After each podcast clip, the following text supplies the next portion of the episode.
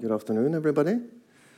It's a pleasure to see a lot of faces that I've never seen before, uh, showing an interest in what's been a great part of my life for uh, two years' time.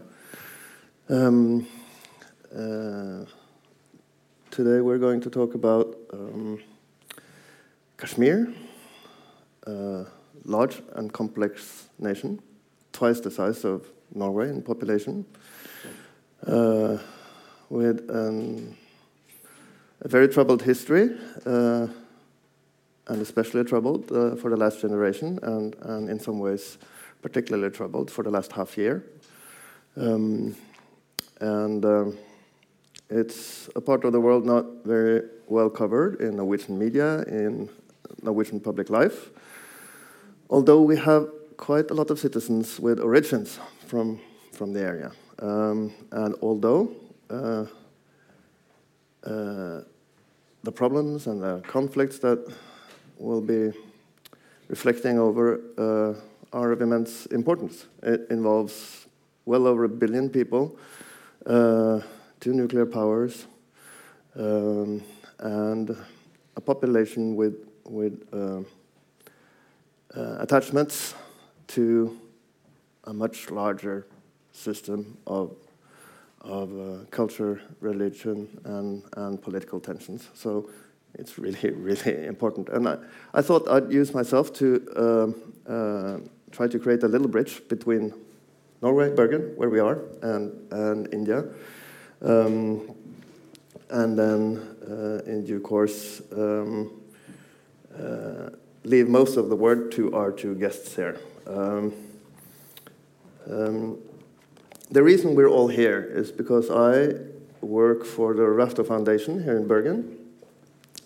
Um, and now it died. Maybe I can get it back. No, no signal. Ah, there it is. So, uh, as some of you will probably know, we hand out a Human Rights Prize every year. We have done that for 30 years. And then we do uh, whatever our competence and resources allow to support the work of our laureates for a shorter or longer time, depending on how useful it can be. And uh, I started working there 10 years ago with a laureate from India, an organization uh, supporting um, uh, the rights of Dalits, or what used to be called uh, uh, those without the caste, which in a certain sense are the people most marked by their caste uh, in Indian uh, society. And then 10 years later, in 2017, we awarded our prize to two uh, human rights defenders from Kashmir. Just to give you an idea um, of the place, on our normal maps, Norway looks big and India looks small here it's superimposed. Um, so Kashmir is about the size of southern Norway and with three, four times the population, although counts are uh, uh, a bit uncertain. Um, and if we take a closer look, it is a territory now split in two main parts.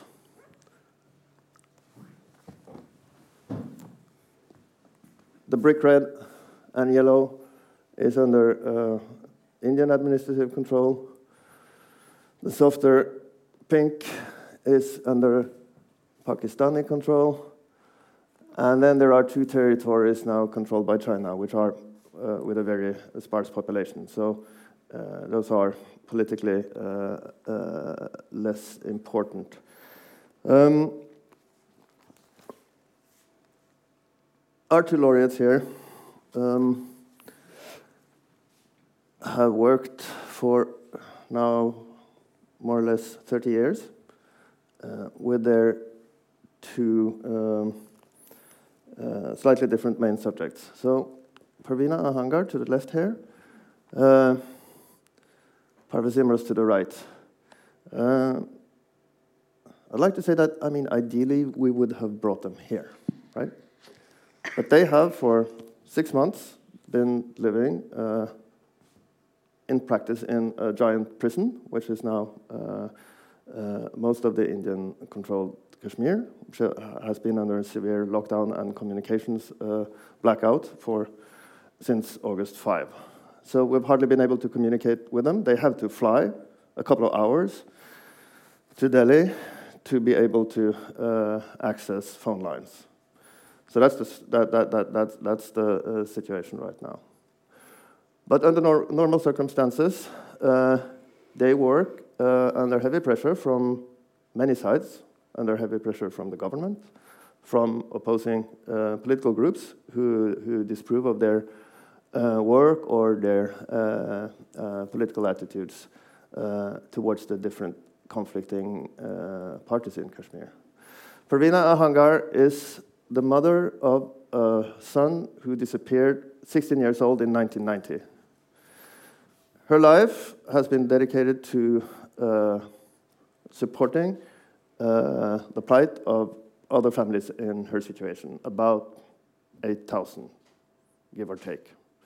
Um, most of these families had fathers or sons who disappeared in the early 90s.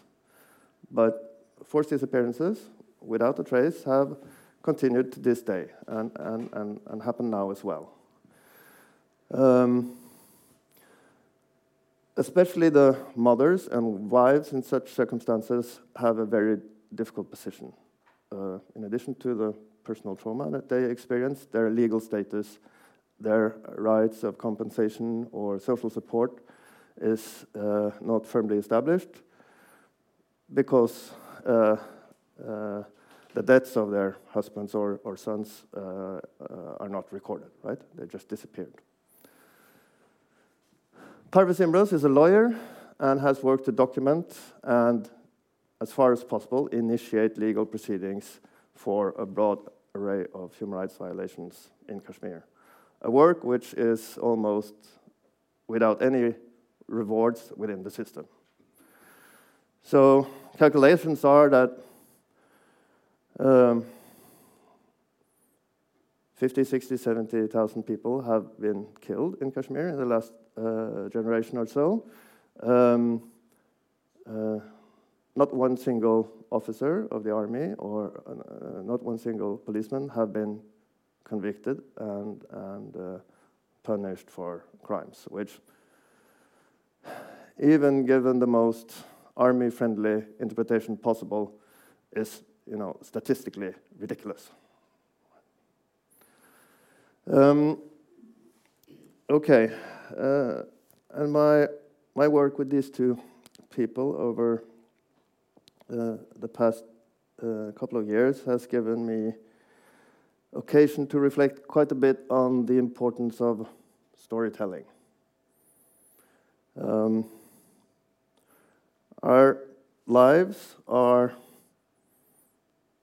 told in stories, not always expressed outwardly, uh, but we maintain these stories for ourselves at least.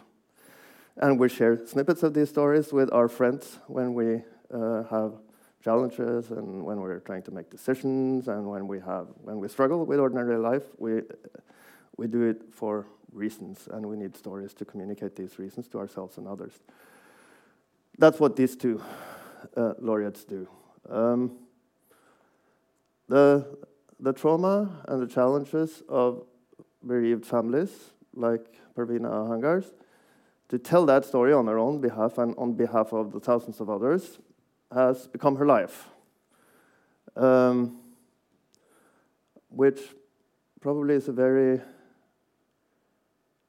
uh, both a very difficult life and a very rewarding one, I think. She has become a symbol for thousands and thousands. Uh, she has the nickname the Iron Lady of Kashmir. Okay, let's jump back to, to those two. Uh, not because she is hard on others, but because she uh, is resilient, and, and because uh, she has been able to pull something out of this enormous trauma uh, that can you know, help her sustain her life and, uh, and that of others. So her name is known by everyone in Kashmir, I think. Everyone. Uh, Parvez is a lawyer, So, and as a lawyer, you have a job to advise people about their rights and the law, and to assist them in legal proceedings, right? So that's what he's supposed to do. Well, he has now collected documentation and given advice and presented cases for hundreds and hundreds and hundreds of people. And none of them go anywhere, right? Because that's uh, the dysfunction, that's the degree of dysfunctionality in the legal system in, in Kashmir. But still, they keep on doing it. To tell the stories and to claim justice has a value which is immensely important and deeply rooted for them, even though there's no response, proper response by the society they live in. Um, so, each in their own way, I think, bear witness to not only to what happens to them and, and their relations, but to some you know, deep underlying values which we should all recognize also in Europe, in Western society, and it's also there, even though they are quite different from us in many respects. Right? Um, and um, this has um, uh, this has made a very strong impression on me, and I hope our two guests here will be able to, from their perspective, to to to fill out, uh, maybe contradict, or maybe, hopefully, certainly uh, uh, expand on that. There's also another subject that's uh, made a very deep impression on, on me personally. For the last 20, 30 years, there has been a massive military occupation uh, of the Indian administered part of Kashmir. So, most of you will have known that there were dramatic events in August, the semi autonomous status of uh, Jammu and Kashmir as a state was uh, uh, abrogated, the territory was split in two, and soldiers were flown in to, to, to um, administer the curfew and roadblocks and, and control the population. But the, the, the, troops that were flown in were you know, just a tenth of the ones already there. So they have lived to a large extent under a similar regime for almost 30 years. And there's a lot of violence, uh, and the violence and the humiliation and uh, um, the experience of being subject to powers you cannot check or question or, or criticize is the normal state of affairs for people growing for a whole generation growing up in, in Kashmir. Um, from our age, are we of similar age? I think so, roughly. Uh, and, and down to those who are children now. And um, that obviously will create a different society from the, the one that I grew up in and, and, and probably most or all of you. Um, but still, it goes on. Kashmiri culture exists. Uh, Kashmiri pride exists. They read, they communicate with the world. Uh, at least they did until the curfew was imposed. Um, so they're part of our world, but uh, with very different experiences. And I'd like to remind once again that, well, it's far away. It's a little corner on the big, uh, uh, on the big map of India, but it's a big place. It's a nation much bigger than ours. Uh, so it matters. Okay, I'll round off here and, and quickly just uh, something happened.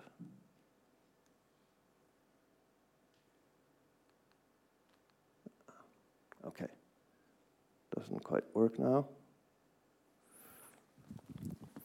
I can fix it. There we go. Because I have the pleasure and the honor to have with me and for you uh, two human rights defenders and authors uh, who have worked with uh, Kashmir and with India uh, for a long time. Um, uh, near me here, I have Salil Tripathi. He has been working uh, especially with human rights and economic issues as a journalist uh, and as a human rights professional. Uh, are you? Uh, what should we? it's the same problem for me. What are we? Are we um, activists? I don't feel we can claim the right to call ourselves activists properly because we have observers. a proper job. Observers. Yeah, yeah. well, observers, yeah. Um, he's been uh, published in pretty much all the most prestigious English language uh, newspapers and magazines over the years. Uh, he has received many uh, prizes. He uh, is uh, editor of, or co-editor at least, of Mint, and, and a couple of other publications. Um, he has published three books. I picked one to the left here Offence. It's not his most recent book, but I think it's relevant here because it tells the prehistory of this political, cultural surge of Hindu nationalism that we really see as a huge wave washing through India now. Um, when it started, before the rest of the world uh, paid attention, uh, Salil wrote about it. And um, Nitasha Kaul, on my uh, on the far side of the table, she is a. Are you? you you're you're a po political economist. Would that be correct? Oh, um, An economist, political scientist, a, a little bit of anthropologist as well. I have a feeling. Um, multidisciplinary academic. Yeah. Um, and, and, writer and poet, etc.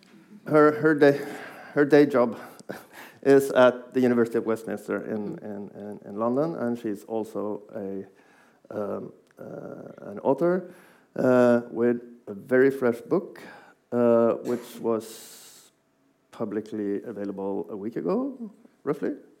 Uh, and we have some copies here. And this is a novel, but it is a novel about Kashmir and, and uh, the lives of young men in Kashmir, right? And women. I won't say more. And women. And women. Young people. Of course. Yeah. yeah. But the blurb focuses on the young men. Both are, uh, uh, both are uh, important. So, uh, we'll have a conversation um, going. And um, I've only given the, you know, the, rough, the, the roughest of outlines of, circumstances as they are now. Mm -hmm. And I think it's proper that you could fill in a little bit on that okay. and give some more details to it. And then I'll sit down and relax a little. Yes, and um, if, if needed, I'll stand, but I think I'll just speak from here. Um, it's always a um, thank you for the session, to you all for being here. Um, if I may just begin by asking, how many people here have been to Kashmir at any point? One person? Okay. And, but you've heard of Kashmir, most people? You can just nod. Okay, right. Is that more recent, or did you know of it prior to August 2019? Did you know of anything, or did it just break into your imagination on August 2019? More recent? Prior. Okay. All right. Well, that's excellent uh, because uh, essentially the the difficult thing, as somebody who does this all the time, write and speak about Kashmir, uh, and about Kashmiris. The difficult thing is how do you how do you manage to compress a lot into the space of. So what I'm going to tell you is going to be partial perforce. It's going to be non-linear because there is no way we can we can talk about everything. Uh, so, bearing, but there are resources out there. There are things that have been written and said and recorded and the, the facts are all there, the information is all there, the stories are all there. So uh, if, if you should feel you should go and then, you know, there, there, are, there are ways of substantiating and, and knowing more about all of these things. Now, what do I want to tell you then? I want to tell you, of course, that what has happened in August 2019, on the 5th of August 2019 specifically, and uh, it's, it's also interesting to me personally because, you know, in, in the recent years especially, I've been going to, uh, to Kashmir every year. I was there earlier in 2019, and on the night of the 4th, I was flying out from Delhi, And uh, the immigration person looked at my passport and said, Oh, you're a Kashmiri. But of course, to most people, to many people, most people in India, they would know from my surname that I am a Kashmiri, but that I am not Muslim. Uh, by my own you know, confession, I'm an animist and a humanist. So I am not, you know, I, I, am not entirely comfortable speaking as a Kashmiri Hindu person. Because depending on the day, you know, I may want to, and the audience, I may be a, um, you know, a vegetarian or a feminist or an environmentalist or whatever identity I might choose. But because of my surname and what I say, this becomes something that is immediately a political issue because I am the ideal subject of Hindu nationalism. I mean, from my birth to all my creden- credentials, I am the, you know, I'm, I'm an ideal subject. I'm, the, I'm a woman, I'm born Kashmiri Pandit, I have that called surname, and in India, that's a very weaponized identity at the moment. Because everything that the government has been doing in Kashmir is often justified by the fact of what happened to the Kashmiri Pandits or what about the Kashmiri Pandits. So, in effect, what we have, what we have is that, especially since the 90s onwards, the political dispute has become communalized, and there are now significant entrenched interests that benefit from the perpetual communalization and continued us versus them rhetoric. So it never ends. It's you know it's it's people on who have formerly been in the army on TV studios saying, well, they raped women and we should do that. It's that kind of thing. It's the consul general uh, of India in New York recorded saying that we should have Israeli-style settlements. So it's this there's the, the vendetta politics that has become entrenched is deep. It's very very vicious and it dehumanizes people. So anyway, so that night I was flying out and this. Uh, the reading down of, uh, of this article of the Indian Constitution by which Kashmir had in theory, autonomy over,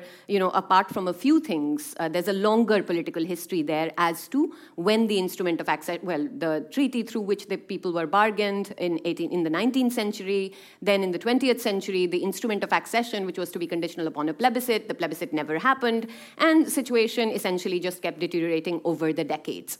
But that, even that limited autonomy, in theory, a lot of which had already been eroded, was taken away on August the 5th. So I landed in Heathrow, and you know, I was midair between these two imperial, you know, imperial and post colonial imperial spaces, and then you suddenly find out your identity has been taken away from you. And it is a very fundamental thing. And of course, to people at different levels of location and presence, it matters differently. But in some way, you feel that there is a um, you know, it's, it's almost a, a, stripping of something very fundamental to you, your, your, your being able to claim an identity. Because what this is, is, as Ivar said, there is a longer history of human rights abuses, of you know, divisions, of divides, of, of uh, all kinds of violence, of emergency powers, impunity, legal impunity. In, in addition to that, what this enables is a sort of something very similar to a territorial occupation, where people's consent is not taken into account, but their resources can be used any which way one likes. Uh, their dissent is, is effectively criminalized. They're not allowed to express their opinion. And this is, uh, and it's also been done across the political spectrum. So it didn't matter which, whether, you know, which Kashmiri leadership or people, or it was civil society, it was educationists, it was, it was literally everyone that was just silenced in August. And the, the economic, the land, the resource aspect of it is also equally fundamental in terms of taking this on to the next stage of, um, of something that is not that different, certainly in terms of how it's experienced to um, to a territorial occupation and colonization. Now, um, that's, that's sort of like the longer history. Now, two or three things that I do want to tell you, and imagine, as I said, it's non-linear, right? So what happens in, in conflict time is always non-linear. So 2010, there's an uprising, 100 plus young people get killed, you know, people, uh, uh, young people who are stone pelters, but also those who are not, uh, get fired at, there's that. 2014 there's a flood. There's again this thing of you know billing the the uh, the state government there for for flood rescue. And and some people actively saying well they, we did it it's it's deserved punishment uh, for for these people like good that they suffered in the floods. Um, there's there's then in 2016 you have this um, this Hizbul Mujahideen commander, Burhan Wani, who was very significant for, for Kashmiris there, who see, you know, for whom the movement is a, is, a, uh, legit, uh, is a legitimate resistance from their point of view against what they see as an unfair occupation, So his, his assassination, extrajudicial killing, was followed by protests, massive protests, and, and, uh, and those were then uh, protesters and people were fired at with pellet guns. But as with any kind of violence, it's unpredictable. You're not, you know, it's not even just the protesters who are targeted, it's, it's it's people. It's, it's young, it's Insha Malik, this young student who was in her home and 14 years old. It's, it's an eight-year-old child. It's, it's a lecturer who, who asks, uh, in, in Khrew who asked a question of a policeman about, you know, how can you do this? And you get shot. It's an ATM guard who gets pumped with pellets in his body because he's, because he's seen as a threat and they only later realize that he was actually just returning from his job. So it's not, there's, there's that way in which, in those scenarios, it's just indiscriminate. And because there is no legal way of holding people to account because there is this impunity of emergency powers legislation that has been in place now for over two and a half, well, nearly three decades now. So that means people cannot, in, uh, you know, people cannot be brought to court for, for killings, for encounter killings, for what are called encounter killings, for any kinds of injustices. Now, there's that. Now, all of this, of course, is justified in the name of, so then there was 2016, then there was 2017, then there's 2019, so something or the other. It's, it's every few years, it just comes up, and 2019 was just another iteration in that. And I think it's important to remember that there's a longer history behind all of these things.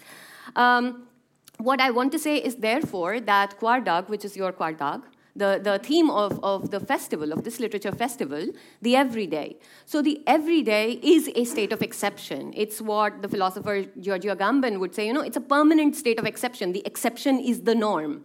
And so when I speak to people in different places around the world, you know, people who are, who are even Indians, because I am really very interested in the process through which consent for these kinds of things is created amongst people what what person actually in all their you know with with uh, legitimate judgment can say yes please go ahead and kill people. Yes rapes are justified. You know Kunan Poshpora where there was mass rapes in villages that's justified. Let's not investigate killings. Will people admit to that? No of course they will not because human beings have a way of of finding obfuscations of, of dealing with that cognitive dissonance. So they'll say well it's only because they're all terrorists. Okay? So the, the legitimation that's given all countries do it, therefore we should do it.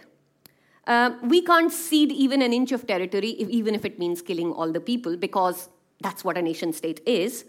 Um, we're doing this for their welfare, and that uh, this is, you know, and people who criticize this are essentially seditious. And these are, if you look back in the longer run of history, if you look back at the times of the British Empire or any empire, these are not unfamiliar logics. They have been available to us throughout history when populations have been subjugated, when political disputes are not seen as political disputes but as ways of just subjugating populations. So, in that sense, this exception is the norm there.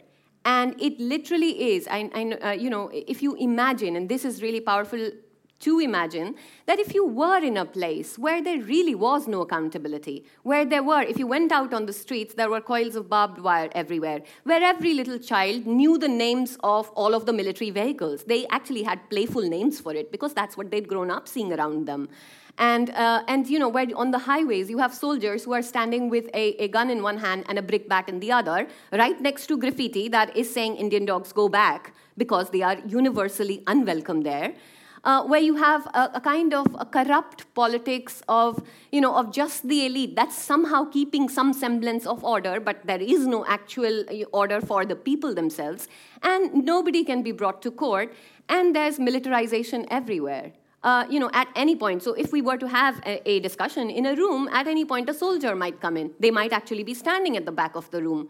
What that would do for years upon years upon years, and how is that in any, you know, in the interests of any population? Not to mention, of course, also the fact of the drain of that militarization, that intensive militarization, the kind of economic and uh, you know, other drain that places on Indians themselves, on, on people in India, on, you know, on when you look at the, the social in indicators, the, the ones in India and many Indian states are much worse than, than in Jammu and Kashmir. So it's, you know, it's, it's just kept in place by a media in there that refuses to confront people with the reality as it is, by this exception as being the norm and by a specific gendered uh, kind of rhetoric that also plays a very important role because Kashmir is like, you know, in the, in the West, you have, um, uh, there's this uh, Led Zeppelin song, right? The Shangri La beneath the summer moon.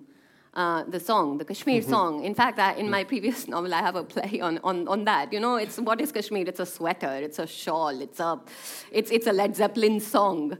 So there's, there's that kind of orientalization, that otherness, is also present in India. And, and historically, very palpably, this idea that these are these exotic others who, if they are Muslim, need to somehow be civilized and need to somehow be dealt with because they are going to be always regressive in gender terms or, or, you know, or otherwise a, a beautiful, exotic, or cruel other. And that shifts between whether it's beautiful or cruel, depending on whether you want to be talking about saving them or you want to be talking about uh, the, the extremism that they are somehow inherently carrying within themselves. So there's, there's also that gendered aspect. When this was done, uh, this uh, August 2019 events happened, uh, there, was a, there were people in India who were saying, well, now we can go to Kashmir and marry uh, fair Kashmiri girls it was you know it was just it was literally striking to see that kind of thing because it is in, in, in essence a very a very colonial enterprise. And and i think it is important that we understand what makes it go on. What makes it go on essentially are the vested interests. It's not that people don't know. Well some people don't know but i think that many people who do know feel unable to make things go forward because of what interests lie in perpetuating any conflict, including this one. And therefore, the violence, which is both, you know, it's, it's very quotidian, it's everyday, but it's also mundane. It's just become banalized, to use Arendt's phrase. It's just everywhere. And that the, that all of that is enabled by dehumanization. It's because the Kashmiri body is not seen as human in the same terms. It's an other body. It's a body that can be disposed of. You know, uh, people have written about how how there's this in the name of a word like security that we're doing this for their security. You, you, you're not it's not security for anyone. It's actually making everyone more insecure. Uh, but, but that's how um, it continues. I don't know if i i mean i will want to say lots and lots of things but at this point all i want to say is that it's very grim. It's uh, it's not it's all interconnected through the processes of how conflicts and right-wing ideologies feed off each other globally so, in a sense, anything like this anywhere is everyone's problem, evermore, and therefore we should uh, care about it. And I think it's also constantly important to keep reinforcing this point, including with people who might not otherwise have seen things in this way, because it is not, you know, it, it, it, there's, there's, there's reason in, in resolving conflicts. And if not, people should, should say that and at least own up to it that that, they that they would rather have the conflict go on, which they don't. So, so thinking those what ifs, I think, are really important. And I think at this point, that's all I want to say. It's all very hopeless, but we have to keep telling the stories. Um, and, you know, and Kashmiris have been doing that. Okay, I, I'd then like to remind you what, what our plans were when we uh, came together yesterday to, uh, to sort of plan this evening. Um, Life is what happens. and we got, of course, engulfed by the subject. Um, we really want to have time to uh, present some reading samples, right, from your book yep. and from your poems. Well, uh, so, so the plan at the end was that you just wing it when you feel the time is right, but don't forget, okay. right? That would be really nice. Um, um, and then we will also like to uh, involve you uh, at some point, but uh, well, let both our guests warm up uh, first. So you're warm now. Um, uh, and then um, I'd like to pitch the ball to you, uh, Salil. Uh, you look at this not as a Kashmiri, but uh, as a global Indian, if I could call you that, something like that. Um, global Bombay wala. Yeah. yeah. I mean, there's. Uh, could you try to, to, to, to place this this story, which we have at least given a, you know, a very rough outline uh, of uh, in, in, in, the broader Indian uh, context and, and, and the subject, I, I, think, of states of exception or a state of exception is also felt elsewhere. And India is this strange place where, uh, at least the bare bones, uh, rule of law state has existed for some time and a bare bones democracy, but it also includes these these uh, pockets uh, and rather large pockets and maybe growing po pockets of uh, states of exception uh, that might be a cue, but uh, sure, you yeah, you can no, pick it up or, or you can. No, my response also will be slightly non-linear, but um, I'll try to say three or four different things which can probably feed into the um, broader narrative of where we are. And I think one thing we need to bear in mind that for Indian nationalism, the idea that Kashmir is part of India is very important. Indians think in Kashmir has to be part of India. So what if it's a Muslim majority state? Because that, in a way, is based on a very nice ideal, which is that you know you don't uh, religion is irrelevant in the making of a nation state, and because when India and Pakistan became separated, uh, Pakistan did choose to have an Islamic identity, India did choose to have a secular identity. And so the Indian response typically is that fine, you know, we are a secular state. So what if this is a Muslim majority? We can live with that, and, and that's fine. And that also feeds in also with the initial thinking of Jawaharlal Nehru, who was a Kashmiri himself, Kashmiri Pandit himself, and he had a very strong understanding of what is called Kashmiriyat, the Kashmiri identity. Now, I don't want to overegg that pudding and say that that was the driving force behind it, but that has been the narrative of the Indian nation state, regardless of party lines. What has happened, though, is that over there, as, as Nitasha quite rightly pointed out, that the special favors as the Indian state sees them and rights as the Kashmiris see them, or what, is, what the Kashmiris have, such as, you know, autonomy over everything except defense, foreign affairs, communications, and postal, and a few other things, and railways, I think. But rest of autonomy the, the state had. It has gradually been eroded. But the very fact that that existed, that was seen as a healthy balance.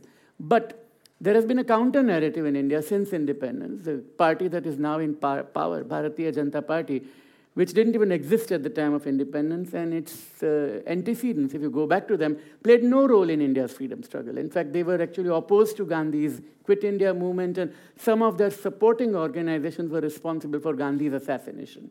So let's get all of that right on the table because the ruling party today in India is wrapping itself in the national tricolor, saying that we are the real nationalists and those against us are not, and we know the nation state, and we are personifying that national identity, which has been eroded by the pusillanimity, by the appeasement, by the cowardice of the previous government, which allowed terrorism to flourish. Uh, they themselves had a huge role in the Kashmiri Pandit saga. A man called Jagmohan was the governor at that time, and he facilitated this so-called exodus. So it's, it's, a, it's a genuinely um, complicated story. I mean, that, that goes without saying. So it's in that context that India has acted the way it is. And India has done exactly for the reasons you mentioned, that, you know, the rule of law argument.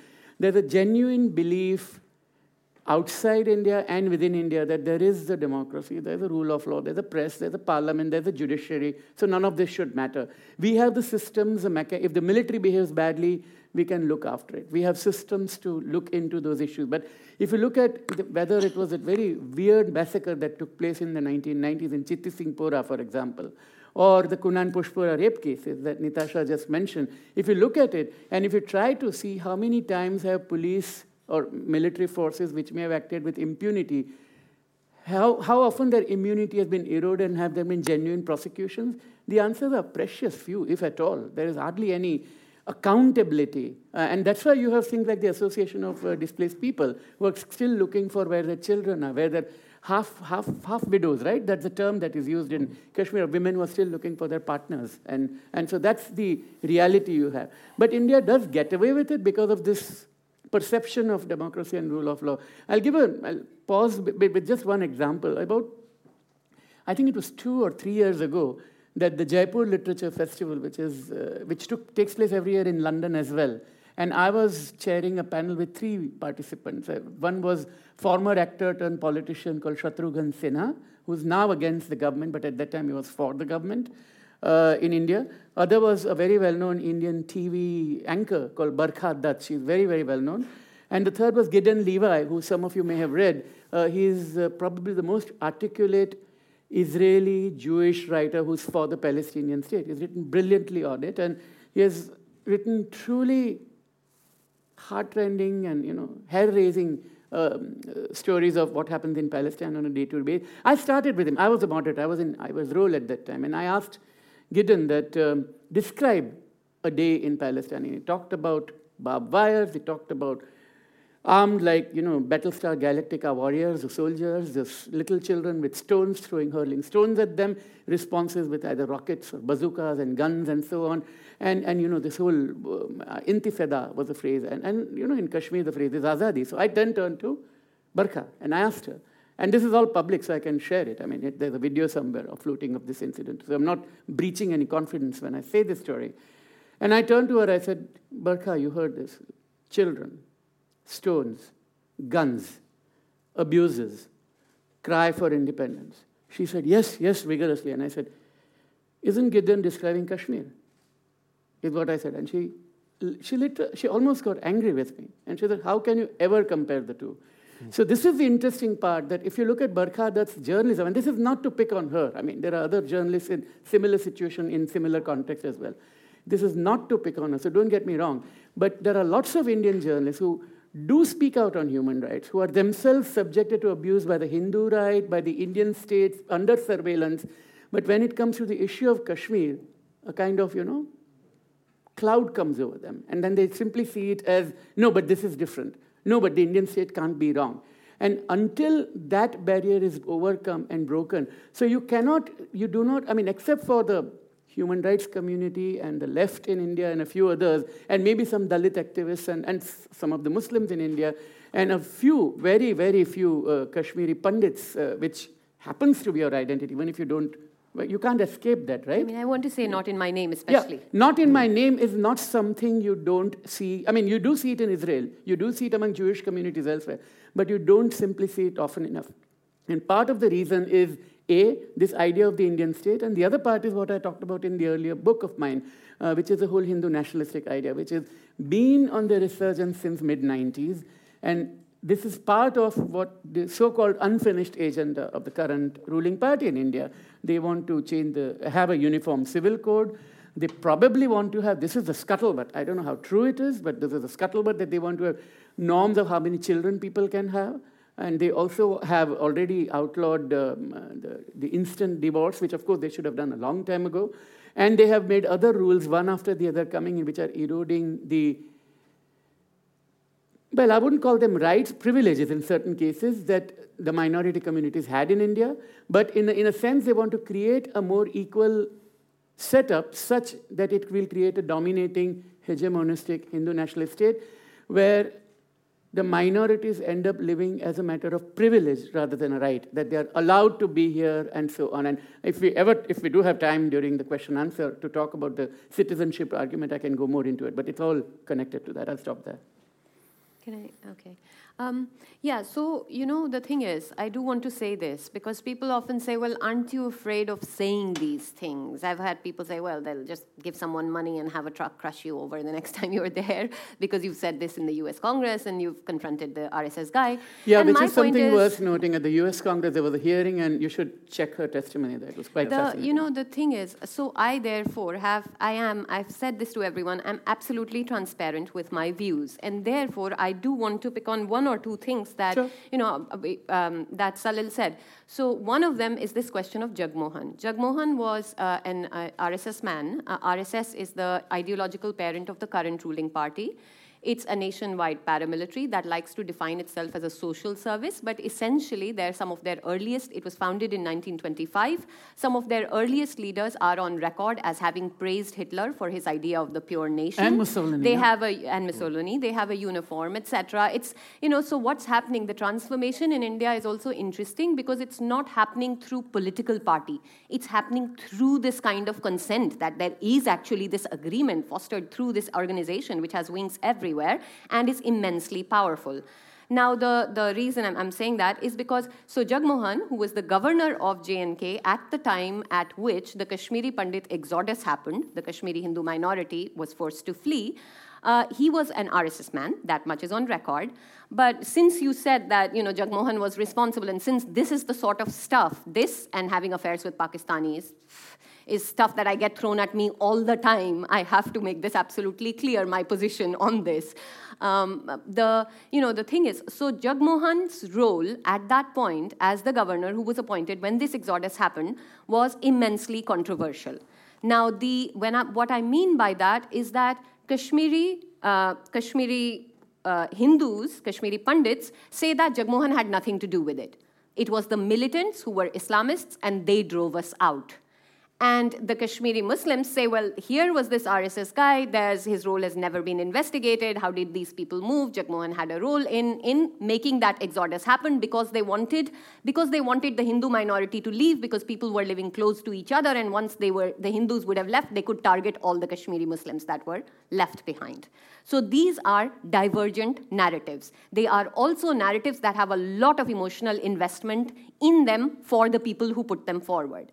And my position on all of this has always been uh, not that I cannot, I cannot say whether it's this or that. Truth is always uh, messier than any reality. So I'm not saying that Jagmohan did it. I'm also not saying that Jagmohan didn't have a role either.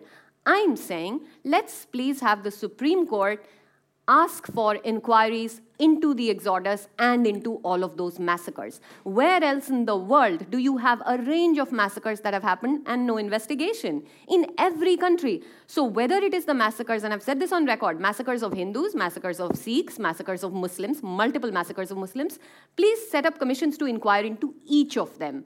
And the Supreme Court judgment a few years ago was, was bizarre. They said, well, we can't actually investigate the, some of the facts around the Kashmiri Pandit exodus because it happened 27 years ago and that's too long ago. I mean, that's, that's really bizarre. It's, and, and I do not understand why the reluctance there is, why there is this reluctance to open this up, other than that opening this up would also mean investigating everything else.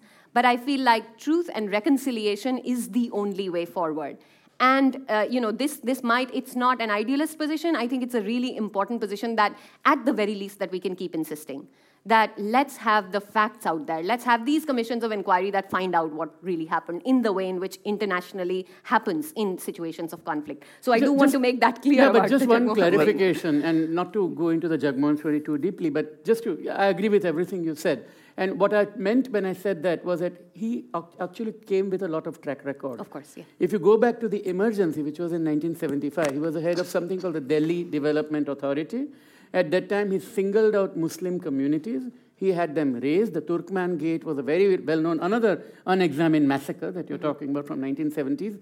Uh, and he was named and blamed for that. I mean, whether he did it or not, we don't know because we don't have the full story there.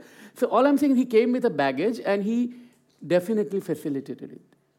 That's all I would say. I would like there to be proper yeah, investigation sure. into all of this. I mean, sure. I'm not, I, you know, I, I just feel like that's, if I take that position, then I, I get accused of things like, well, you don't understand. There were all these militants who had these posters. Well, of course, there are militants and there are posters and it's a conflict zone. But don't, you know, my point is look at this as an anti minority thing that happens in a conflict situation and that's not just religious minorities it's all other kinds of minorities too. But it becomes wrapped up into this indian nationalist islamophobic position of they did this to the hindus yeah. without that broader context of what hap- what happens you know when there's military and, and militants and there's what happens in those situations of clashes. So that i wanted to make clear. I also want to say that salil's absolutely right in saying that not just journalists but academics even critical academics often have a big problem acknowledging the reality of kashmir. Mm. Eh, if they are of Indian origin. Not always, and increasingly we've, we've tried, and you know, more and more people are able to say this, and, and it helps. But it's, it's been a problem. Like people will talk about human rights, but then they'll stop. It's like the human rights, we can say that human rights abuses should not happen because that's neutral and nice but we won't say why the human rights abuses are happening. That there is actually a political problem. There's an issue of self determination. There's people who have been resisting against what they see as an occupation. There's all these cries of freedom and azadi. So there's, you know, there's no link that is made which logically you would make. Why are the abusers? Why is the population being silenced in this way? Because there is a political problem. So the first step would be for people to recognize that there is a political problem, which is why the human rights abuses continue happening, and that one cannot eliminate the human rights abuses in and of themselves unless we recognize why they are happening. So that's I think that, that, you know, that link is important. And the, the two Indian nationalisms and the, the role of the RSS, I feel like everyone in the world ought to know more about the RSS. I'm just staggered how, how little people know, uh, not just not here, but, but generally. Uh, I, I, certainly think and hope we'll have time after a break to, mm-hmm. to go deeper into that because that's a massive phenomenon uh, uh of concern for many more than just Kashmiris. Uh, mm-hmm. Uh, I'd just like to round off. Uh, I think we shall give ourselves uh, 10 15 minutes, collect coffee, and uh, think about questions you might ask. And then we'll, uh, I suggest we start the next session with uh, some reading. Mm-hmm. Do come Uh, back because that's when to we do break the readings. up a little bit. But I would just like to round off uh, your little exchange here with uh, my observation as a Norwegian-based uh, human rights activist or defender or uh, whatever it is. We have we have tried to raise the issue of Kashmir in uh, the European Parliament and in the UN over the last two years. Um, uh, there was already established contact and some cooperation between the, the Office uh, of the High Commissioner of Human Rights and our laureates. Uh, so we were uh, in a position to assist them a little bit in that work. So there was a, a report, a, a, human rights report on Kashmir in 2018 and a shorter follow-up report in 2019. Those are the first uh, uh, even semi-official uh, reports produced by the UN system uh, over uh, 70 years with 70,000 plus people killed and a lot of uh, different categories of victims of, of the conflict. So here we have, we have a problem of, of evading you know, honest uh, uh, discussion on what actually has taken place, which is not merely an Indian problem. It's, it's a problem of world uh, society, and it's as the power of India, as of China, as of other uh, uh, states grow, the entire system of human rights protection and, and, and, and, and, recognition of human rights issues is at stake here, uh, I think. Uh, so, and, and, if, when the time comes after the break, uh, you have some thoughts about how developments in uh, Kashmir and India mirror events and tendencies elsewhere also. Mm. Uh, that would be an interesting subject that could bring us into contact with what goes on there. I mean, so, just my suggestion. The thing about human rights is also the nation state system, right? When you speak for the rights of Kashmiris, the automatic default autopilot position is it's Pakistan initiated, it's mm. going to serve Pakistan's interests. It's almost as if India Pakistan thing and Kashmiri so that's where I, of, you That's know, where I go back to what Salman Rushdie did um, with Shalimar the Clown you know, that's a novel that is written about, uh, well, set in US and Kashmir. But he begins by quoting Shakespeare from Romeo and Juliet, saying, a plague on both the houses. Yeah. Yeah.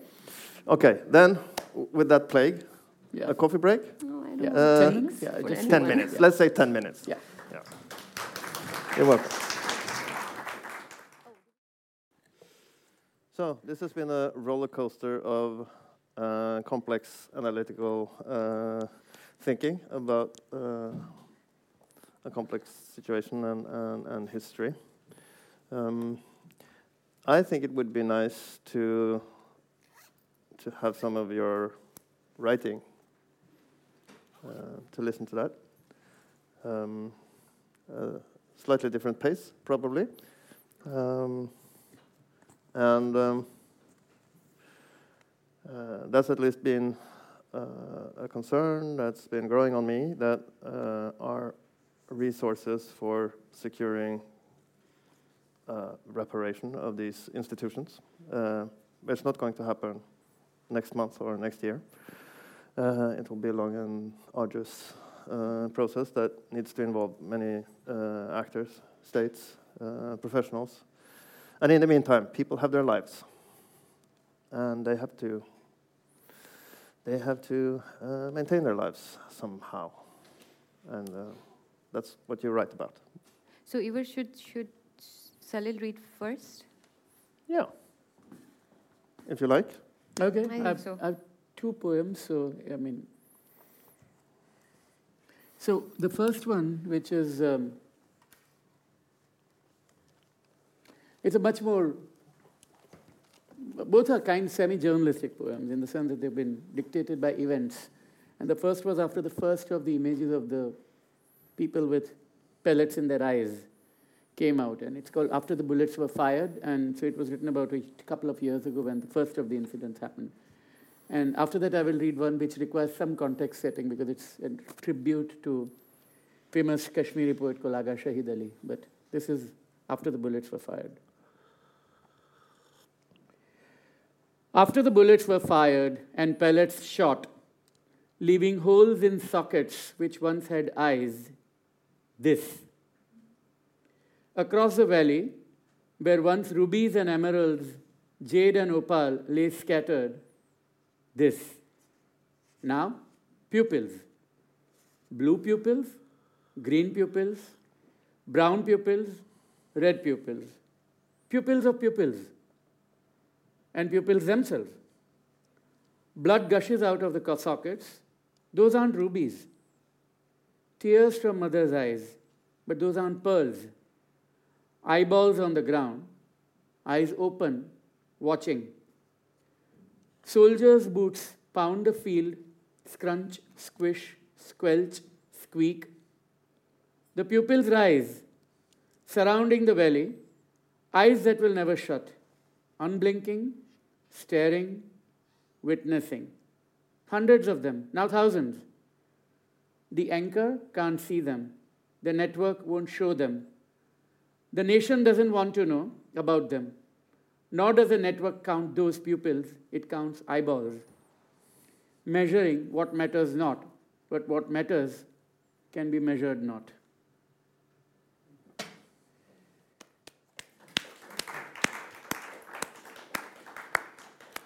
And the second poem is uh, Agha Shahid Ali was a very famous uh, Kashmiri poet who taught in America. He was, I think, at University of Massachusetts, Massachusetts Amherst, I think. That's where he taught. And he wrote a book called Half Inch Himalayas. He also translated Faiz. And one of the greatest poems he's written, which also is the title of one of his collections, is called A Country Without a Post Office. And his idea was it is a, the metaphor being that it's a country without an establishment and authority and government. And of course, the bureaucrats who read it in India, of course, and Agha Shahid Ali was in America, took it very literally. They said, no, no, we have made a lot of development programs. We have many post offices in India. So there we go. So this is the poem I wrote after the events of last August. What he meant by the country without a post office, now I know. The country without a post office is a valley without voices. Wick lamps send messages that the wind carries to the stars above the country without a post office. Cascade of tears won't erase the ink on the postcard sent from the country without a post office. Letters pile up in dead letter offices. Postmen cannot decipher the script of padlocked doors and unanswered knocks. Are those lips sealed or sewn? Do those eyes not blink, or is it a photograph in the country without a post office? Where are the sons disappeared in the country without a post office? Where are the daughters hidden in the country without a post office? How can words roll off the tongues and sneak out unseen when the mailboxes are sealed like the kitchen god's wife's lips in the country without a post office? The freezing river submerges words and images in the country without a post office. It takes one scream to crack the ice, flooding the valley in the country without a post office. We hold the postcards with faces erased in the country without a post office. Amnesia swallows names and envelops the plains in the country without a post office. We blind their eyes so they don't see evil. We pull out their tongues so they speak no evil. We mute the volume so they hear no evil in the country without a post office. One spring afternoon, the postman may return with his currency of paisleys, which we divide, while we divide the plot in square feet, measuring the country without a post office. The roads so clean now, without trucks' fumes, cars' horns, bicycles tinkling bells, in the country without a post office. It is always dark in the country without a post office. Lamps without light in the country without a post office. Shop shutters down and there's cricket on the streets while the spectators lie in unmarked graves in the fields of a country without a post office. Pharmacies comfort patients with words in this country without a post office. Passengers sit in stalled trains at desolate stations, and planes take off and land without passengers from this country without a post office. Legislators don't debate, courts don't hear arguments, beds in houseboats stay, stay unslept in the country without a post office. There are no jails here, no prisoners, only state guests in the state that is a prison called a country without a post office.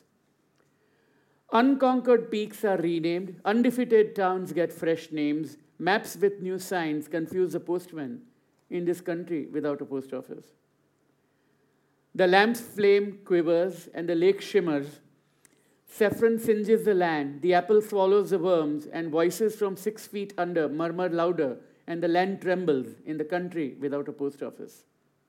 One day, from the shrine of words, thousands of voices will flow through the valley in this country without a post office. The lake blue again, like the people's pupils. The eyes will blink and stare back from the country without a post office. There will be answers then, not questions. Truth, not facts. Facts, not lies. Words, not letters. These words may never reach you, the prisoner had written to his lover. And we will carry those letters in this country without a post office.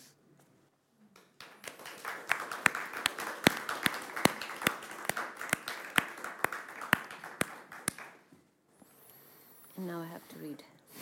Okay, this I was I was trying to let these two gentlemen know yesterday that I'm not sure how I feel about reading because the book is is it's literally you know one of the first times I've held it and the launch is next Tuesday in London, so I haven't even decided which passages when I'm going to read. But as I feel put in on the spot right now, I think I might. But um, so you're going to be, you know, the first witnesses. I've actually, this is the first time I'm reading it in public because these are the very first copies that have arrived. Um, a little preface because um, you know the, life doesn't often give us closure so what closures we can have we must.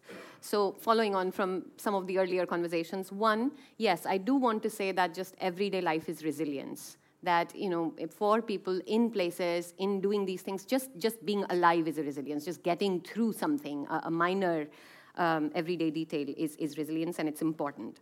I also want to say that witnessing is a really important task that we can all do that we are all witnesses. And since we were talking about Agha Shahid Ali, the Kashmiri American poet, he's, you know, he's got several beautiful poems, of course, but, but the beloved witness, you know, the idea that he talks about witnessing. And, and I think that if, if nothing else, we can at least witness. And there's something about conscious witnessing that's very powerful. Um, and I also do want to say that I'm not entirely sure. I mean, you know, which, which child does not grow up thinking about, uh, in that period, of course, in that age, about the Cold War and you know this, this the grand these grand figures who were trying to defy and do important things like non-aligned movement and you know discovery of India and Nehru and all of that but and you know and, and of course there's there's something to be said for a lot of those ideas. But i think over time there's also a disenchantment that's important for, for me personally to acknowledge with figures like nehru with what happened to you know this kind of kind of big state politics that happens with these big men who go and do these deals and who think that they can have a friendship with a kashmiri leader sheikh abdullah. And you know and then it's good. And then the next day you're, you're you feel like you have to do something else and you put him in prison. And an entire history gets complicated, like, like it did happen then. So, so I feel like I'm much less sanguine about a figure like Nehru than, than I used to be. And plus also as, you know, as a woman, and um, I would have liked to read actually some of the, because women play an important role in this book, but right now I'm going to read you the guy part. The, um, so the, the women, you know, Nehru's idea of Kashmir. So when I was, I wrote a piece in 2018 for, for the Feminist Review called India's Indian Obsession with Kashmir, Democracy, Gender, and Anti-Nationalism, where I look at how through discourses of cartography, this imaginary, this image. You know, you saw the, the map. So, this idea of Kashmir is placed as the head of Mother India. So, in the old anti colonial struggle, the map was superimposed with a woman who was sitting there. And this was her head. So there's this all these ways in which complicated ways in which discourses like if you there was an Indian academic who showed um, an upside down map of the country, and she was she was you know there was an FIR filed against her for that that how can you kind of do this? So there are all these very, uh, you know, so there's a discourse of cartography, there's a discourse of representation and of possession. This, the, you know, the India and Kashmir issues often presented as a marital relationship gone wrong.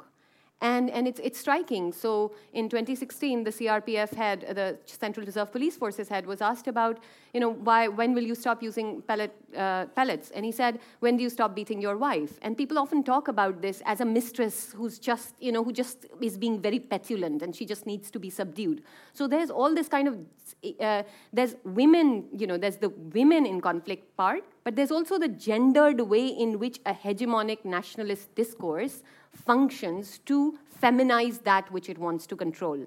And that's also something that's, that's very um, palpable in the case of Kashmir. So, and, and, you know, and this goes back, link with Nehru, is that, you know, this Kashmir is this beautiful woman, this, you know, whose, whose veils and mysteries and all of that. So there's, I, I did want to make that qualification, that little footnote about Nehru. Okay. Right, so uh, I'm sure, I have no doubt that I would have picked different other passages, but this is, if, if it doesn't, you know, if it's not the best choice, then that's th- their Then we read the book, yes. right? then you read the book, yes, Yeah. of course. I got it here for a reason. Yeah. All right. So this is, uh, he's, his, his name is Fayaz. He's one of the protagonists. And uh, the book is really about how these people's lives, every aspect of it, is completely affected by conflict, like every bit of, of their lives. So his, his marriage has broken down, and we start with, uh, you know, his um, Zenith, his, his, his wife, who's, who's left him. And, and now this is him at, at ends, not, uh, you know, at, at a loose end. So he's having this, these moments of, of thought about his life, and that's, that's the point at which he's, he's on his way to meet a friend, if I can remember correctly. Right. So, um, all right. of what use is a reverie? Men dream in their idle hours of all that they know to be unrealizable and untrue. Yes, if it were possible, gamblers would nightly look at starry skies as a table full of riches and imagine they owned all its diamonds. Dressed in their finery, they would, with the slightest dash of their left palm, clear the, clear the dark table of its stars, gather them in a gleaming fistful, and scatter them at their feet with an insouciance that betrayed a determined innocence of value. And poets would look at a cloud and think upon how cushiony that was a down was a personal umbrella that they could hold up to shield their precious thoughts against the harsh glare of a bright world. Children would, fearless of cold or censure, run in the rain, chasing the trail of water spiders made by the large drops as they crashed upon concrete, splitting into the many little legs of water. And who knows, young men, crazed by the desire for freedom and a longing for their rights, would only see trees that flowered, stones everywhere, round, smooth stones, weightless when on the branches of willows, but which, which would suddenly become heavy arsenal when thrown at the shuttered vehicles of their enemy with guns, ripping large holes through this enemy's destructive passion for a land it couldn't subdue and it couldn't let go. And soldiers, in turn, would dream of stone eyes for those who would resist, a vast and prolific blindness that would turn an entire nation into a silent stage where puppets performed blindly for their political masters. This last thought brought Fayaz back to sobriety. His entire life had been an indulgence built on the sacrifices of others, the tens of hundreds he knew, and the many hundreds of thousands he would never know. Had he not lost friends who had fallen to enemy bullets? Did he not remember how his mother had, uh, had feared for their lives at the popping sounds of gunfire in the dead of night? Was it not his own father who had been in and out of horrific torture centers? How could he forget the raw fear that welled up in him, that churning panic in his stomach, that persistent shiver up his spine, the dread of security forces? A feeling so familiar to him now that he had come to disregard it as being a strange sensation he experienced every time he was stopped by someone in uniform. In an old photograph long since destroyed, Fayaz can still see himself as a very small child, standing next to his seated father with an outsized gun slung upon his tiny shoulder. In that picture, he was smiling beatifically, free of any care. But for the burden of those expectations that made his life what it was now, he may have been a militant. Certainly by now, a slain militant, a martyr, a casualty, a statistic. A staccato voice read out these terms in his head. If he was lucky, he would be a named dead body in a Kashmiri graveyard. Um, then his, um, his friend arrives. Fayaz stepped out into a mildly, uh, relatively mild evening marked by the occasional gusts of cool breeze. Along the way, he observed the multiple construction sites in his neighborhood. There were, there were accretions of mud everywhere. in spite of the late hour, there was a fading light outdoors.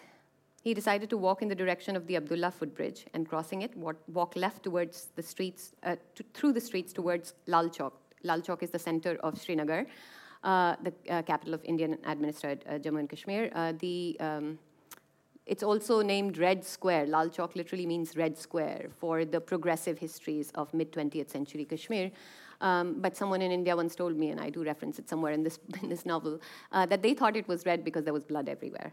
Um, oblivious to other pedestrians, he paused in the middle of the bridge and, resting his arms loosely on the metal rails, inspected the sight he beheld. At times like this, he felt he was wrong and harsh in his judgment of this city. It was beautiful, who could remain unmoved in the presence of this paradise? He had come from the soil of this land, and its perfume was all that he knew. His village was also bound to change someday, and Srinagar too once would have been small, smaller and more precious. And I think this is the last paragraph. He contemplated the poetry of nature's verses in the still black and white calligraphy of the silhouetted trees, their branches silently supplicating the skies. The mountains came into view in the far distance, gently, like a lover, and then momentarily slipped away in a cloudy haze. On the banks of the Jhelum River, it's, it's one of the rivers, there, to his either side, beyond the moored houseboats, uh, were roads stringed with glittering white moonstones and blood red rubies of car headlights as they slid up and down the streets. He saw the awkwardly ambling gray elephant of a crowded bus. Soon, the soothing, ascendant sounds of azans from the surrounding mosques rung in his ears and a moving hieroglyphic appeared in the soul blue skies, a flock of pigeons, of the kind that daily congregated on the corrugated roofs of the shrines and queued together on wiry perches across the city's lampposts, was flying home. An unknown prayer rose from his heart and escaped through his breath at what he saw. It was as if not only his eyes, but his heart too, could touch every outline in front of him. He reached into his pocket and took out a cigarette. He wanted to light the ember tip of his cigarette against a star in the sky tonight. Thank you.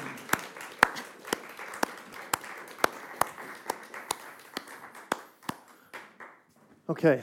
Um, I'm told we can hang around here for as long as we like, mm -hmm. uh, more or less. I have to go at three. At three o'clock, I have a session. Yeah, you have to go at three o'clock.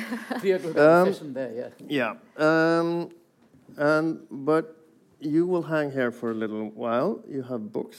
Anyone interested can buy them. Sure, but I think we should ask the audience to. Yeah. But before we get that far, we'll have at least 20 minutes at least mm -hmm. uh, for a conversation. And uh, the good thing with these two uh, guests we have here is that they can respond to absolutely anything, I think. Except you won't get politics. You, you won't get def the definite answers, but you'll get answers to anything. So, where do we start? Okay, we start up there. Excellent. Uh, hi, uh, thank you so much. Uh, it was really interesting to hear you. Uh, let me tell you about myself. I'm from Pakistan, basically. So, what I wanted to know, like from you guys, is that uh, like the things that you are saying, we don't really hear them in mainstream Indian media. So when we like as an Indian, like I feel myself that it is very important if the average Indian feels same uh, about these things. But when he sees the media and uh, he sees the celebrities are either endorsing such things or even if they are not endorsing, they are not even opposing this. So they, why would they listen to such things like you are saying? So eventually they would think that maybe you are working on Pakistan agenda and you are working for Pakistan. So why is that that you also talked about that there is a cloud comes over it, uh, like even uh, when the liberalist, the, those who are labeled as liberalist, but even when they talk about such things, they are like, okay, this is totally a different thing, and this is like uh, our like Kashmir is integral part of India and these kind of things. So what is the reason behind that, and what are your views about that? That I want to know.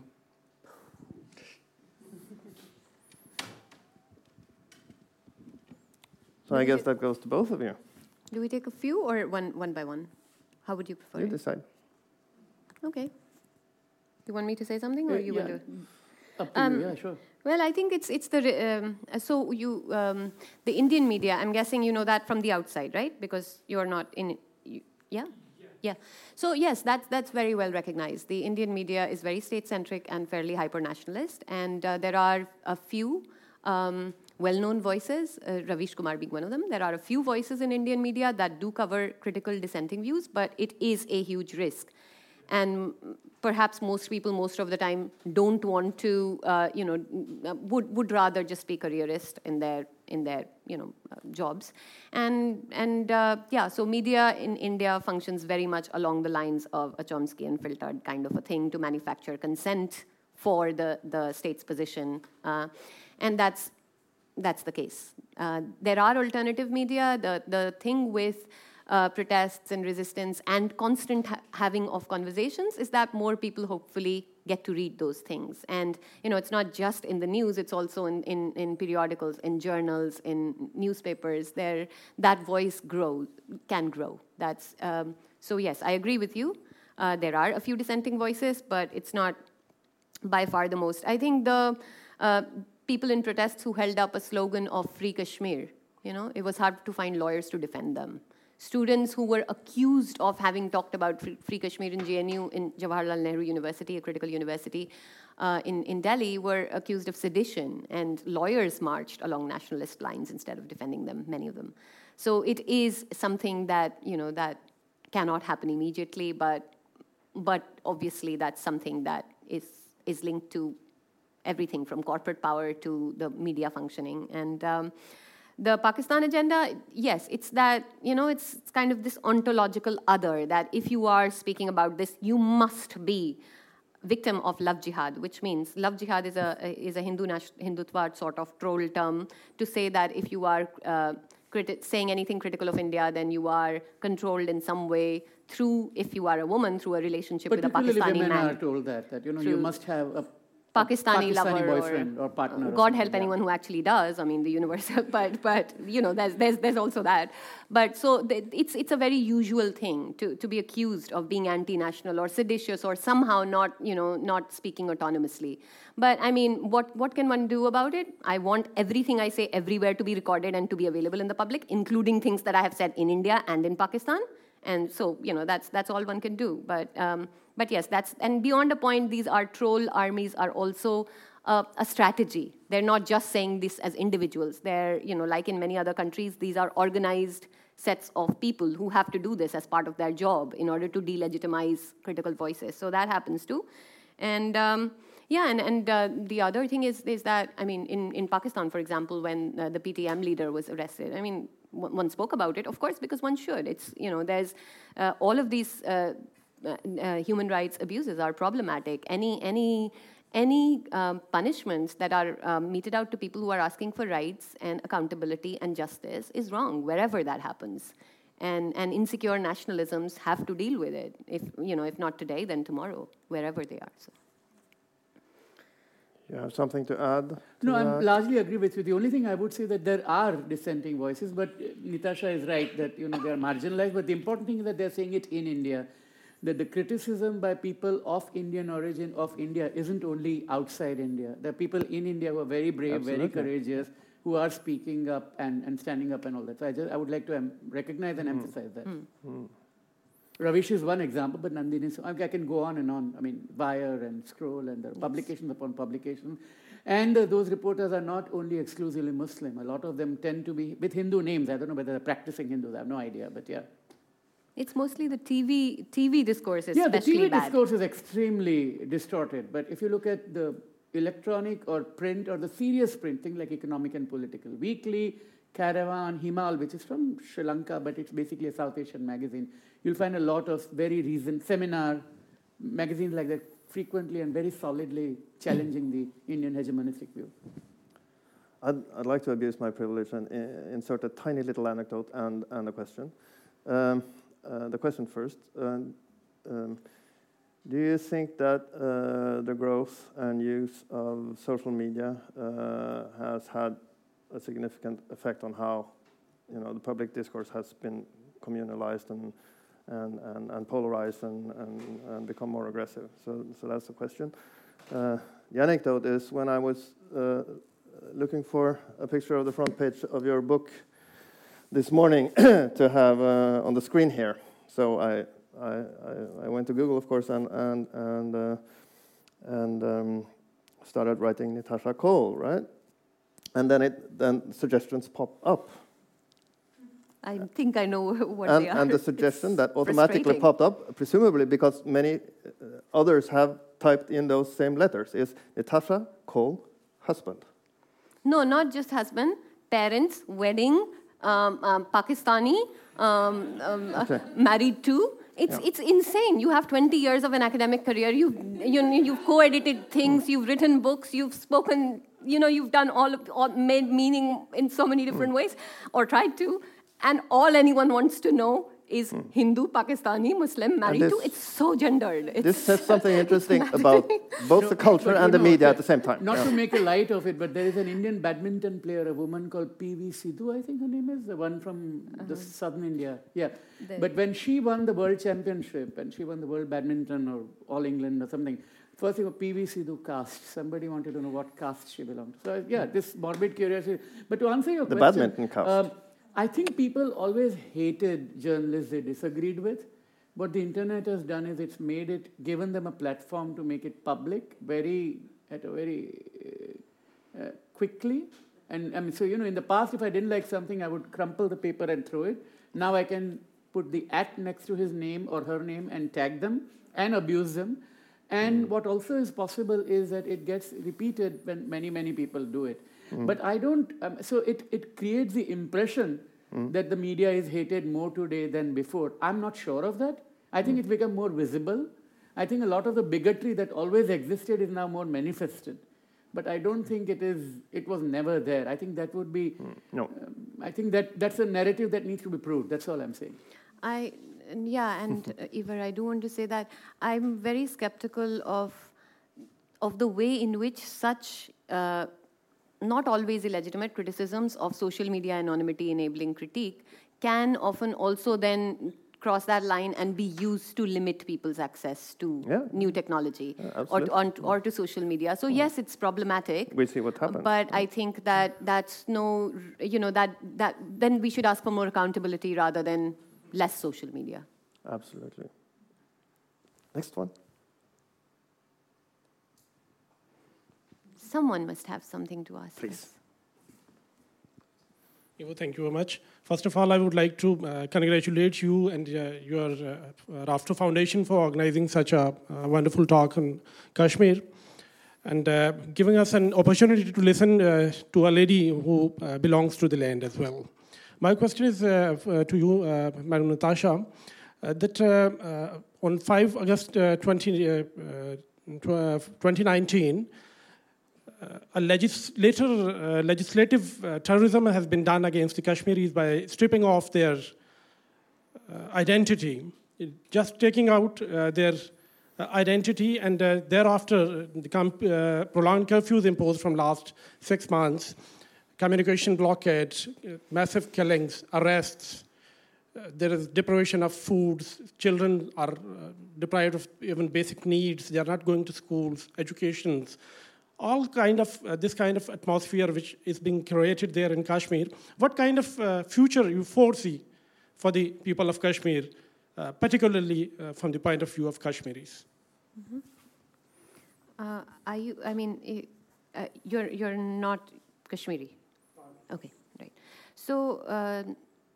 I'm, I'm just struck by your, your phrase legislative terrorism, and I'm st- still trying to kind of turn that around in my head and see the extent to which I would.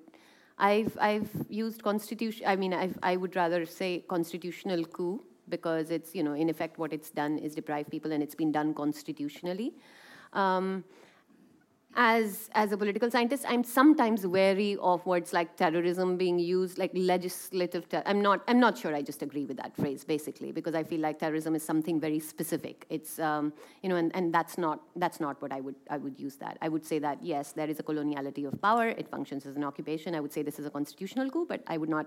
Um, uh, yeah okay. That aside uh, what is what does the future hold? So yes all of these my written in my written testimony i have explicitly talked about all of the hardships that people have had to undergo. And also the way in which if they are if they are just somehow getting on about their lives that's being interpreted as consent for what has happened.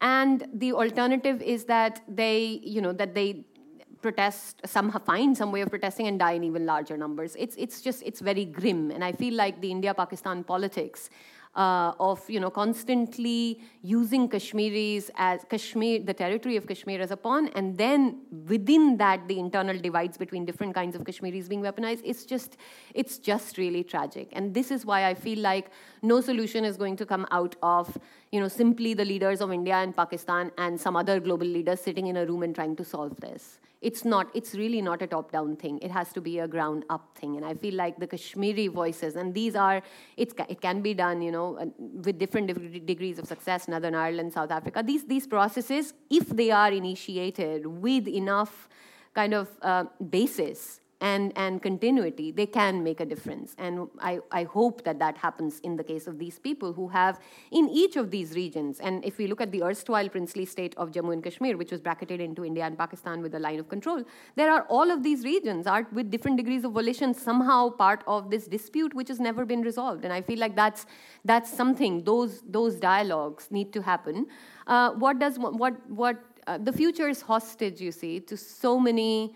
Um, contingencies. One, one, it's, it's really hard to say. There are, um, but we do know that it's, it's the summers that bring the worst of the news because in, in, in winters anyway, everything just, you know, everything, it's, it's nature enforced kind of um, slowing down of life. So I, I, I, you know, I wouldn't know what to say. It really depends on how far the leadership in, in India is prepared to go uh, you know, uh, and and the the India-Pakistan dynamics, how they are perceived. It's I, I, don't think these are things that anyone can predict. Um, and, and that's not necessarily always hopeless. It's also kind of hopeful if you think about the Berlin Wall or something, because there's always the possibility for something very radical and different and unexpected to actually also make things for the better. And, and that's what one hopes that, you know, that, that rather than things getting worse. Um, and we talk about India, Pakistan. There's also, of course, China, and there's the the economically comfortable uh, meetings that happen between Indian and Chinese leaders, and also the Chinese investment in Pakistan, and then coupled with the India-Pakistan thing, it's uh, you know, in, in a sense, people are, are just puppets in all of this, and the, and the forces are, are so much bigger, which is why it's important to understand and, and break them down and understand them for what they are. Does this mean that I can speak? No, but there, there's a somebody to. at the back who's ah. raised a hand, and her. Wonderful. No, we should ask her. Yeah, thank you. We should also ask her. And I think the lady in the Yes. Uh-huh. Good. Great.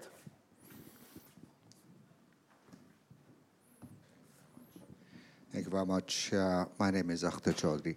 I wonder, India is a democracy, uh, at least uh, India is a democracy. And um, at least they are having some in democratic institutions. So they are going to have some elections in, in few years again. And at some point, the sitting government will be replaced. The question then is whether a new government at a given point uh, in the future will be able to reverse the course of uh, what you call the constitutional coup, and the situation could be changed. Will, will there be any, uh, any support for, for reverse in the Indian, uh, in the Indian opinion? Do we see any lights in future? I guess that's yeah, perhaps no, mostly try. I mean, Let him. Do, do go ahead, Nitasha. Uh, I the honest answer is I don't know, right? I mean, it's, you know, even, a, you know, Harold Wilson, who was a British Prime Minister, said a week is a long time in politics. So what it will look like in future, we really don't know. So very hard to tell. But um, I'm, I wish I could be more optimistic, but I, I, realistically it seems difficult. And I'll tell you why.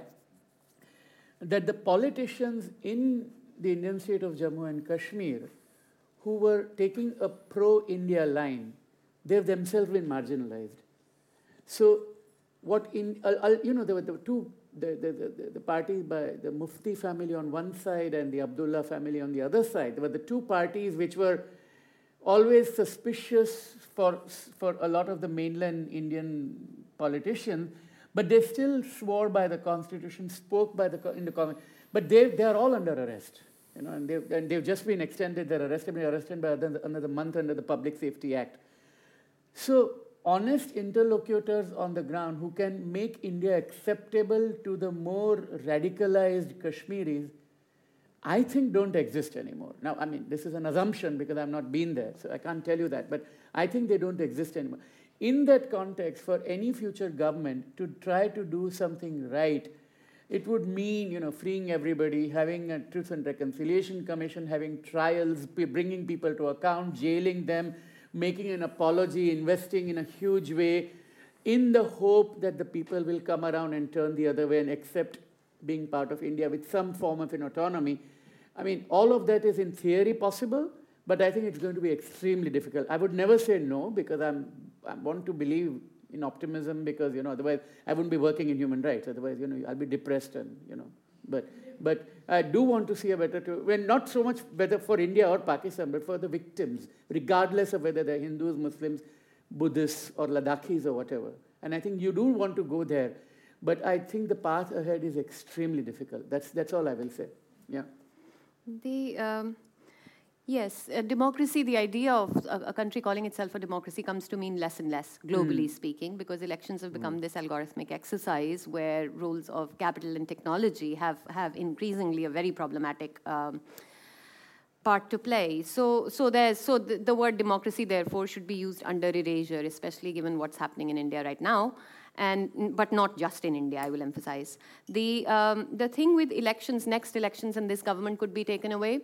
I hope you're right. I'm not as sanguine about that. Mm. The reason for that being, as I said, that the transformation that is happening is with grassroots kind of, you know, uh, Im- immense grassroots appeal and support of, of masses who have been enrolled into successfully into an ideological project of India as a Hindu nation. They genuinely believe that at a very emotional gut level. It's, so it's like I've often talked about it. I, I, I use words carefully, so I've often talked about it as a proto fascist thing that you know it's it's it's that kind of a project with people actually liking the great leader with people mm. actually on board with what's happening.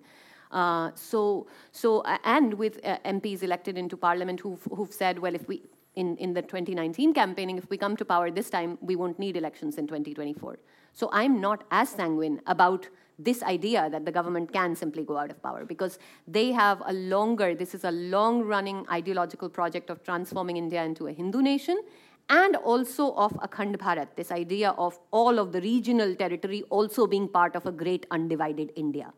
So you can see the echoes very clearly with, with European, you know, with European history and, and, and with the history of the fascist projects.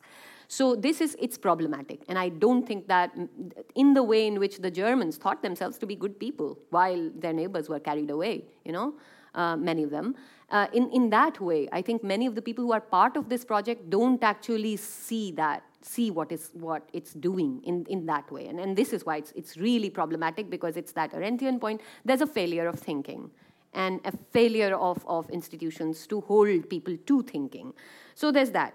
Uh, what I what I also disagree is with Salil's statement, and I've got the exact words here: to make India acceptable to the more radicalized Kashmiris. I think India is pretty radicalized right now. I don't think that Kashmiris no, ought to be want. made. I'm interpreting it. I'm yeah, but I'm just saying we use radicalism as if it's only the Islamists that can be radicalized. I think Hindu India right now is very radicalized, and mm. and these are mirror projects. So I don't see why any Kashmiri ought to accept actually this very radicalized Hindutva idea of India. I think Indians also ought not to. Um, and so, um, so I think the, the thing there is that fundamentally the, the, uh, you know, the people's consent is lacking. That's the fundamental hmm. problem. And no, you can find like thousand ways of working around that and pretending it's not real, but it's the elephant in the room. The people do not consent to that rule. And this is why militarization, this is why human rights abuses. So, originally, a constitutional political dispute that needs to be recognized seen for what it is, and then to move forward from that. It's the only hmm. sensible thing, uh, rather than pretending to keep, you know, acting as if there is consent, and we can just somehow buy more politicians who will, or politicians with, you know, we can we can spend more to buy different. There is no trust even in those politicians. So what do you do with that? It's, it's fundamentally there is a territory. You want to hold on to the territory, but you don't have the consent of the people. And everything that has happened over the last decades has made that consent pretty much impossible to obtain. So one doesn't know. And, and right now, I mean, this de- deliberate destitution and you know deprivation, losses, this kind of thing that has been enforced. What population wants to you know will see this in any way as positively? So it's not you know it's very rational to to. Um, so what it has done is made the hypocrisy a lot more evident it's made it clear that this is not about democracy. This is not even about development. So, in that very Trumpian sort of a way, it's made something very clear, unmasked it, and said, well, this is exactly what it is. And, and so that, you know, it becomes, so in that sense, that's what it has done. So, I, do, I don't know whether, you know, what, what happens next elections, what, I, I, I, I, share the hopelessness to a large extent, but I keep thinking that we have to somehow keep also resisting that and remind ourselves of civil rights struggles, of anti colonial struggles, of all of the other times in history that things seemed insurmountable, but, you know, um, but, um, you know, empires fell away. So. And then there was a voice over here, right? Yeah, my, my name is Sabine Rolka, and I have been working as a teacher for a very long time. I think my voice carries actually. Yeah, wonderful. And, uh, um, and uh, um, well, I have hope in young people, and uh, that's why I'm interested in, in uh, discussing what can we do in the educational uh, sector, right? Because uh, Igor's mentioned um, uh, that the system of human rights or the recognition of the system of human rights is at stake, but we at, in school have to teach our students about human rights and to make them live and go in for human rights. And one way of doing this is how we deal with memory culture, right? You touched uh, on that issue as well.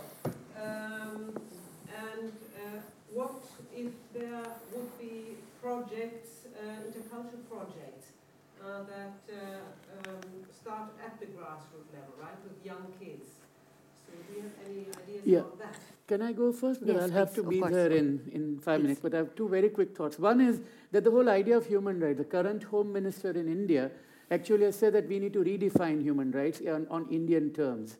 Uh, which is similar to what, which is what Mike Pompeo has also said in the U.S. that you know we don't need the universal declaration. So this separating your entity by claiming that we know human rights better than what this Western construct of which which is simply not true because the universal declaration Yes, Eleanor Roosevelt has been credited, but it was written by five individuals, of whom one was Chinese and one was an Indian woman, Hansa Mehta. Hmm. Uh, so, I mean, it's not as if there were, it was created by a bunch of Western, it was genuinely a universal document that, was, that had taken place at that time. So, but at the same time, Mr. Shah, who, like Hansa Mehta is a Gujarati in a way, and so was Gandhi. You know, so this is this just makes it even more um, interesting. The whole conundrum here. So that is one part of it. The other is that as uh, the radicalization that uh, Nitasha has been talking about is absolutely true. That they are trying to catch them young. I mean, the RSS is remarkably influential in changing the curriculum, the textbooks, and the way history is taught to the extent that Gandhi, who I mean, you don't have to see the film Gandhi to know, but everybody knew that he was assassinated. But in the same state of Gujarat, one textbook claimed that he committed suicide.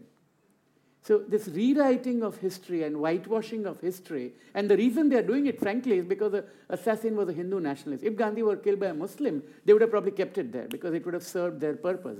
Uh, so, so are, there's a re- rewriting of history going on, reclaiming of history, and saying that we want to reinterpret the past. So if that is a very powerful project by an extremely rich political party which is in control of India, to reclaim the original narrative is going to be extremely hard. I mean, but that's exactly the way to go, that you have to be... And, and what gives me some hope, because I always look for hope, is that the resistance to the government right now is largely coming from campuses, from students who are younger and who are from all walks of life. The Dalits, Muslims, Christians, Hindus, upper caste, lower caste, everywhere. Yeah.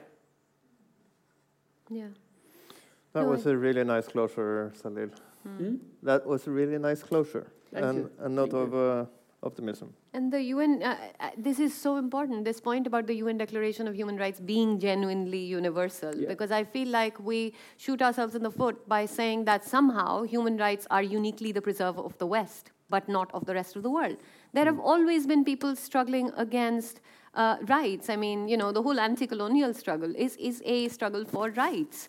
And how can it be that any specific part of the world has a monopoly on rights? Yes, momentarily there will be configurations of more, you know, more people talking about it. But this polarization of West uh, enlightened human rights, non-West, always already, uh, you know, uh, prone to abuses, only entrenches that further. And then human rights gets seen as this outside agenda. They're not. And, you know, and then people in those countries, in those places who are struggling for human rights get seen as Western agents. And it's the whole, the whole thing is, is just wrong because human rights are something that different people at different places have always struggled for. And if we are in a position that we can stand up and speak for them, we must, wherever we are because that's that's the way to you know that's the only way so i think that's an important point. and the thing about memories and the power of i think that you know in when people study conflicts they often forget the powerful role played by emotions and memories and i think those dialogues are really important the thing with you know with with what stops truth and reconciliation types of things dialogues all of that from happening is really control surveillance and bureaucracy i mean if it, it you know, just to get the permission to actually be there, to actually bring students, young people, or anyone together to talk. There are, you know, there is a whole kind of, uh, a, a whole structure that doesn't want that move forward because the conflict is profitable not just economically profitable it's politically profitable it's you know it's very useful. It's useful to come to power it's useful to claim to be the champions of nationalism it's so it's in that sense, it's, it's that's the hard part that we that those things are the things that ought to happen aren't happening because because yes just yeah if one just tries to set up i mean they shut down ngos they cut down the funding they say this or that is western and you're an agent and blah blah blah. So it's it's it's really which is why i think even on the outside the words and the conversations and the technological uh, you know links that we can make are really important. But i think yes absolutely those those things about memories and, and owning up and, and that witnessing is is what needs to happen for people to see especially with the communal divides thank you um, uh, we can hang here for a little while, but uh, we need I, to I really we need to thank uh, Salil so Oh, much for coming. Uh, and also uh, uh, remind all of you that he will start a new session. Uh, do you know which room? In one minute, right across. Yes. Okay. Yes. So that's the pen uh, writers Pen in uh, pen postcard for uh, imprisoned writers uh, session, and anyone who can contribute with something for an imprisoned writer will be Join us there. greatly appreciated by many. Yeah. Yes. before you go So- salil i want a picture with you Okay. can i please may i can you just take a picture for us actually the background would have been nice but even without that no we can Oh, just we can say, yeah, okay. yes thank you Oh, lovely. oh Thank sorry you. Okay. Thank you. so thank much. you Thank you so much, uh, Salil. Pleasure to have you.